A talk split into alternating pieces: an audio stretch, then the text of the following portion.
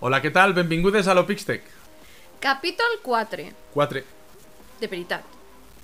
I vos portem un paquet de notícies i amb molts de suquet del... Fes de Las Vegas. Fins ara.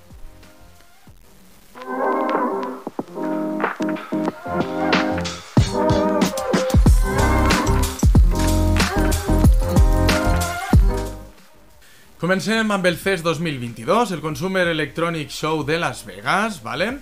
ha presentat 5 nous telèfons, almenys els 5 més rellevants, us els portem nosaltres aquí a l'Opixtec. La companyia coreana Samsung presenta el seu Galaxy S21 Fan Edition, el gamma alta de preu reduït que ja vam comentar aquí al nostre programa. ¿vale? La xinesa OnePlus ens porta el seu OnePlus 10 Pro, vale? és un dels màxims referents de la marca, el seu nou processador serà de Qualcomm i el Snapdragon 8 Gen 1, ok? un dels processadors més potents que coneixem en l'actualitat. També el Mobile Communication Co. LTD de la Xina, eh, Vivo, ens presta a la resta del món, ens ensenya el seu Vivo B23 i el Vivo B23 Pro, situats dintre de la gamma mitjana, però amb eh, curables prestacions, vale? per a que l'usuari no li falte de res.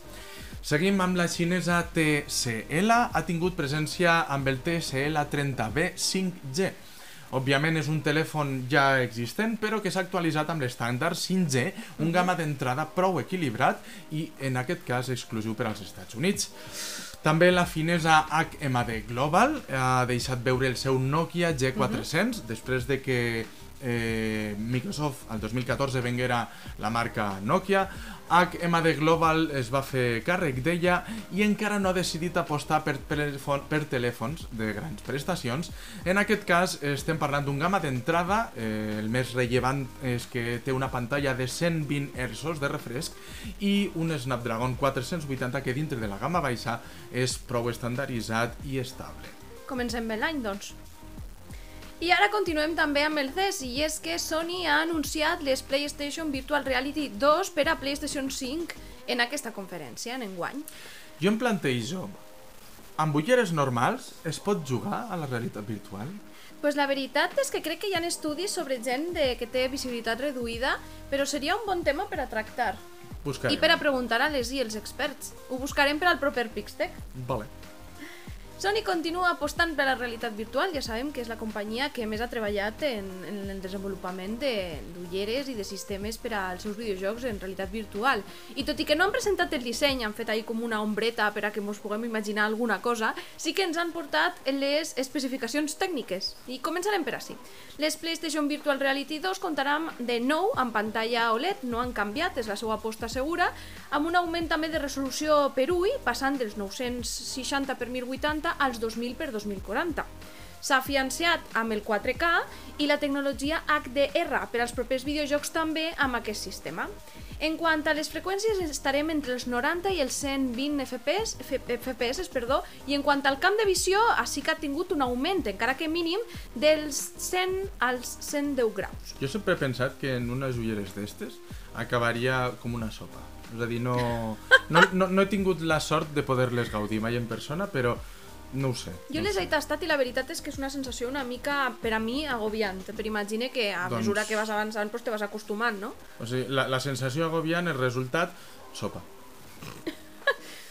Bé, també parlem que eh, estan treballant en una millora en la connexió de la consola i també en la captació i seguiment dels moviments, eh, amb un sistema de rastreig ocular, que això a, a mi aquestes coses m'impacten i m'encanten, i com no, també continuarà treballant per oferir la màxima sensació d'immersió, amb coses, per exemple, com les quatre càmeres integrades que portarà tant el cas com els comandaments, amb una retroalimentació d'amb dues parts de, del pack, no? perquè al cap i a la fi tot això és un pack, i també eh, millora els aspectes sensorials, mm, tant en el casc com en els comandaments.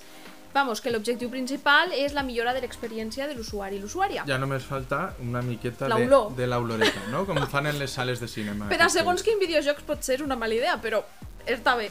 No tenim data, com hem dit, però sí que han avançat la primera experiència en videojoc i serà amb l'Horizon Call of the Mountain de Guerrilla Games i Fire Split, que si no ho sabíeu, esta última ha sigut adquirida al setembre del 2021 per Sony. Molt bé, seguim dintre del CES. En aquest cas anem a parlar dels 19 ordinadors més rellevants vale, presentats al CES 2022. Cal remarcar que aquí en els companys de Chataka ens han portat un gran article perfecte per a conèixer tots els terminals informàtics dedicats a gaudir dels videojocs. Deixarem, com sempre, l'enllaç Per per a que poguéssiu accedir. Doncs bueno, en aquest article podreu fer una fidel comparativa de característiques i dades rellevants per a la tria del vostre portàtil ideal. Déu-n'hi-do. Portàtil, eh? Ojo, Portàtil. ojo, Déu-n'hi-do portàtil. Acer, Asus, Dell, Gigabyte, Lenovo, MSI, Razer... Veuré un dia m'hauré de plantejar la pronunciació, perquè Sí. mm, ho sento molt, dic, dic molts barbarismes.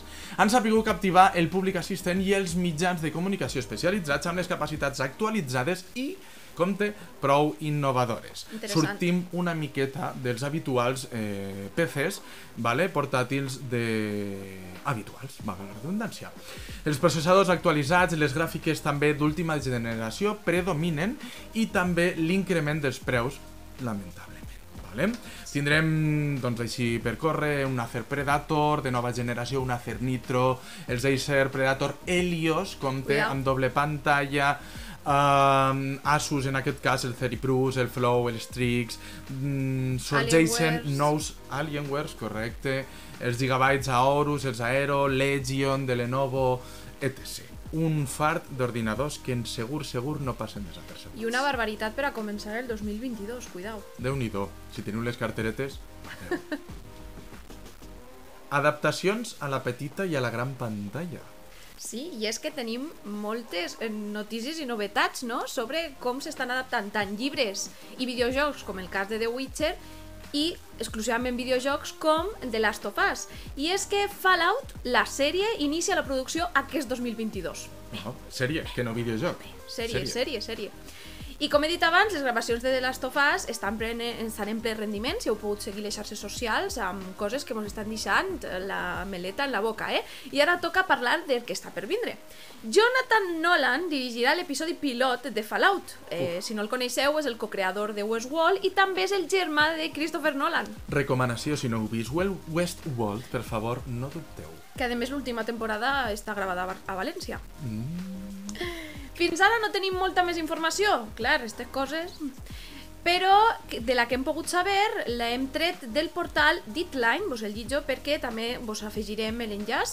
En e- i sí que mos ha agradat molt de lo que hem llegit poquet, perquè hi havia molt poquet, és que comptanem amb noms com Robertson Duoret, ja sabeu que jo tinc un problema amb la pronunciació dels noms, ¿vale? I gràcies que tinc aquí el xivatillo, que és la guionista de Tomb Raider i de Capitana Marvel. I Graham Warner, que si no con- el coneixeu per el nom, el coneixereu per Silicon Valley. Recomanada també sèrie molt còmica sobre eh, els avenços i el sorgiment de la tecnologia i la informàtica en Silicon Valley. no? que mos pega perfectament pel programa. Vamos. Però bé, lo pixte que algun dia farà un garatge allí, com HP, no? i sortirem, sortirem a Silicon, de Silicon Valley. ja veus, ojalà, no? Però serà a partir del 2024 quan malauradament podrem començar a escoltar oficialment la sèrie acabada de Fallout, que és, quan es preveu l'estrena d'aquesta producció de la mà d'Amazon Studios i Kilter Films. Molt bé, i passem ara a la nova secció de telefonia. Xiaomi patenta un lector d'empremtes que funciona en qualsevol lloc de la pantalla. Dona igual a on fiques el dit que el telèfon es desbloquejarà. Una sèrie de transmissors de llum LED infraroja, que no s'il·luminaran, òbviament, baix la capa de la pantalla tàctil capacitiva i per damunt de la pantalla AMOLED normal. Ens permetran desbloquejar totalment el telèfon, com si es tractés de la central o la de que hi ha en altres telèfons al darrere o la petjada lateral. Cal tenir en compte que Huawei ja va presentar una patent similar vale, en la seva pròpia tecnologia d'empremtes dactilars en tota la pantalla cap a l'agost de 2020, si no m'equivoco. Menys mal, perquè mare meua, jo per a, per a poder engegar el meu Xiaomi. Oh, costa, costa. Companyies i videojocs... Xbox tanca un bon any i comença el 2022 amb grans expectatives, Simmer. Xbox Game Studios tanca el 2021 amb moltes nominacions dels seus títols i premis, tot i que alguns compartits, com el Deathloop, que es va començar abans de que Microsoft comprara Bethesda. Oh. un total de 110 premis i es consolida com la distribuïdora més premiada de l'any. Destaquem els 40 que ha rebut Forza Horizon 5, 25 de Halo Infinite, Gran videojoc, per favor, per a aquells fans de les carreres i dels paisatges en els videojocs hiperrealistes. Per a disfrutar un bon catxo. Els 25, com he dit, de Halo Infinite, els 15 del grandíssim Psychonauts 2, que l'estic Mary, els disfrutant moltíssim, no? i el premi que va rebre a millor videojoc d'estratègia de la Gamescom al Ice of Empires 4, Gran joc. per als amants de la saga d'estratègia de tots els temps. Sí, sí. Bé, i el 2022 passem aquí perquè apunta també important, ja que ens esperen títols exclusius com Starfield, el rol interestel·lar de Bethesda, el Planet of Lana, una aventura 2D combinant a les plataformes i els puzzles, i és de Wishfully.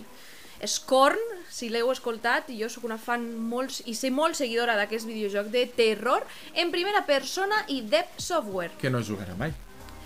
Sí, com faig en la majoria de jocs de terror, però xxt, no ho digues! Però si se veu, se veu. Redfall d'Arcane, el shooter en primera persona cooperatiu que se va presentar al Summer Game Fest i de Vampires. Mm. I uns altres exclusius que de moment no tenen data però que esperem vol'ls enguany, per favor, com el Hellblade 2 de Ninja Theory, Indiana Jones o Fable. I seguim amb els indis per al 2022. Xicotets, grans caramelets. Les, les desenvolupadores indis sempre han apostat pels videojocs clàssics adaptats als nous temps i que llastimosament no han rebut l'importància que se mereixen. Però això ho hem de recuperar. I com? Amb la força que han tingut eh, esta última dècada, no? que han anat guanyant. Com per exemple Hades, que va obtindre, a més, a un premi Hugo per la seva narrativa de Super Giant Games, per cert. Mm -hmm. Però segur que el coneixeu, vamos. Jo no. Vos destaquem avui 5 títols que no podem perdre la pista. I comencem per un de terror, en aquest cas de Callisto Protocol, un escaló més del terror és el que vol aconseguir els seus creadors. I també supervivència espacial, inspirat en, en el famosíssim Dead Space. Continuem amb un altre diferent que és Storyteller de Daniel Benmergui, on mitjançant puzzles i altres mecàniques per l'estil completarem contes inacabats. Mm? Destaquen el seu estil i disseny. Passem a un altre mm, que vos, quan miréssiu el tastet que vos recomanem del vídeo, mm, vos sonarà moltíssim. Azenda. Per què? Perquè Tunic d'Andiu Shouldis és un exclusiu temporal d'Xbox i barreja l'acció i l'aventura, com he dit abans, de l'estil de Zelda. Continuem amb The Forest, però no l'original, sinó la seva continuació, i després d'uns anyets, en Night Games ens porta Son of the Forest, la seva segona entrega. Terror i supervivència barrejat amb crafteig i recerca de materials. No, amb... ni que fora el Minecraft, tu. Quasi, quasi. Però mm, més, una mica més realista, rotllo Rust, que ara ha tornat a estar de moda, per cert, amb una història principal que ens marcarà el gameplay. No sé si recordeu el- el- el- l'accident d'avió, on se va perdre el xiquet, etc etc. I que acabem amb Stray de Blue 12 Studio, un gatet protagonista que intenta sobreviure en un món futurista estil cyberpunk i amb un toc d'acció per a PlayStation i PC. Ciència i tecnologia. I és que la NASA en el 2022, el futur és ara, amb aquest títol l'Agència Espacial de la NASA dels Estats Units presenta els titulars de les missions i fites que es portaran a terme durant aquest 2022. Que guai. És fantàstic. La intenció és estudiar cada fase de la història del cosmos encarant-se cap a una nova fase, valga la redundància, un nou camí de l'exploració. S'obtindran les primeres imatges del nou i referent telescopi astrofísic James Webb, ara encara està de viatge cap a la seva òrbita d'operació i en procés d'inici i automuntatge, controlat des de la Terra, òbviament. També es posaran a prova les capacitats de la defensa planetària. Ha algun projecte per a la destrucció d'asteroides, que ho sapigueu. No sé si serà rotllo Armageddon, pot de, ser. de fet, hi ha molta gent contrària en això perquè opinen que mm, este fet pot ser contraproduent de cara a possibles altres planetes habitats o mos pot rebotar, cuidao. Bueno, lo habitual de la humanitat d'expropiar-nos d'allò que no és nostre. S'exploraran forats negres i d'altres objectes interestel·lars amb els X. Hi ha una missió no tripulada per enviar un satèl·lit eh, a un asteroide ric en metalls i segurament, wow. òbviament, recollir-los i estudiar-los. S'estudiarà material còsmic amb un telescopi transportat mitjançant un globus aerostàtic. Es tornarà a la Lluna, compte que tornem a la Lluna, Simer, no ens quedem a la Lluna de València, però sí torna la humanitat a la Lluna sense tripulació. Quina Això pena. sí. Una missió d'anada, òrbita i tornada a la Terra. Es duran a terme també les primeres missions comercials a la Lluna enviant càrrega útil per a les properes, òbviament, entre altres tantes. Bé, vos deixem per aquí baix l'enllaç al vídeo per a que gaudiu de tot el que li espera a la humanitat amb l'estudi de l'espai. Quins nervis. Curiositats. Curiositat. Turbina Shine. A veure què és això, explica. Un explica. aerogenerador que s'adapta a la motxilla, que el pots portar en motxilla, En sèrio? tal qual. És a dir, podeu utilitzar el vent per a carregar dispositius sobre la marxa. Què vos diu això? No vos diu res, no? Podríeu deixar de banda les bateries addicionals, vale? aquestes que portem sempre per a carregar el telèfon quan no tenim un endoll a mà. Utilitzeu, bàsicament, mm, utilitzareu la potència del vent per a carregar qualsevol aparell de comunicació, navegació, llums o allò que portem quan ens anem de càmping. Vale? És una és a dir, turbina... generes, com els generadors grans de- d'energia eòlica, Això no? anava a explicar. Però és una miniatura. xicoteta turbina, un xicotet generador d'energia eòlica, vale? totalment plegable i portàtil.